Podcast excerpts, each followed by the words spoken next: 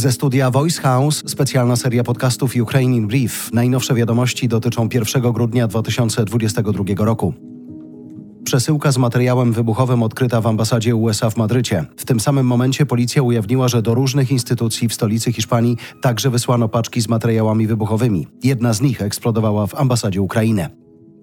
Kolejny alarm przeciwlotniczy w Ukrainie. Władze apelowały do mieszkańców o przejście do schronów. Alarmem objęte były obwody Dniepropietrowski, Mikołajowski, Hersoński i Doniecki.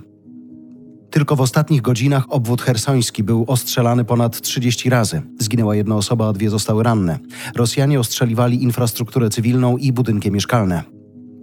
Według brytyjskiego Ministerstwa Obrony rosyjska strategia niszczenia infrastruktury krytycznej na Ukrainie przynosi mniejsze efekty niż zakładano. Rosja miała bowiem zużyć sporą część pocisków manewrujących, a po miesiącach wojny morale Ukraińców wcale nie słabnie. Mimo to deficyt mocy w sieci energetycznej na Ukrainie wzrósł ostatnio do 27%. Na terenie całej Ukrainy wprowadzono wyłączenie awaryjne. W obwodzie wołyńskim dostęp do prądu miało ledwie 30% użytkowników. Wpływa na to także pogorszenie pogody i spadek temperatury.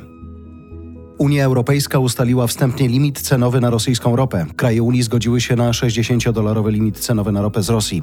Rosja i tak daje coraz większe zniżki, żeby tylko handlować surowcem. Marka Ural w listopadzie była tańsza o 17% rok do roku. W końcówce miesiąca był czas, kiedy baryłka kosztowała 52 dolary. Szwajcaria ujawniła, ile aktywów rosyjskich udało jej się zamrozić. To prawie 8 miliardów franków od początku wojny. Szwajcarski sekretariat stanu do spraw gospodarczych podaje, że białoruscy bogacze i firmy zgromadzili na kontach szwajcarskich banków 400 milionów franków. Ponad 8 milionów Ukraińców przekroczyło granicę z Polską od początku wojny. Jak podaje nasza Straż Graniczna, na Ukrainę wróciło w tym czasie 6 milionów 300 tysięcy osób.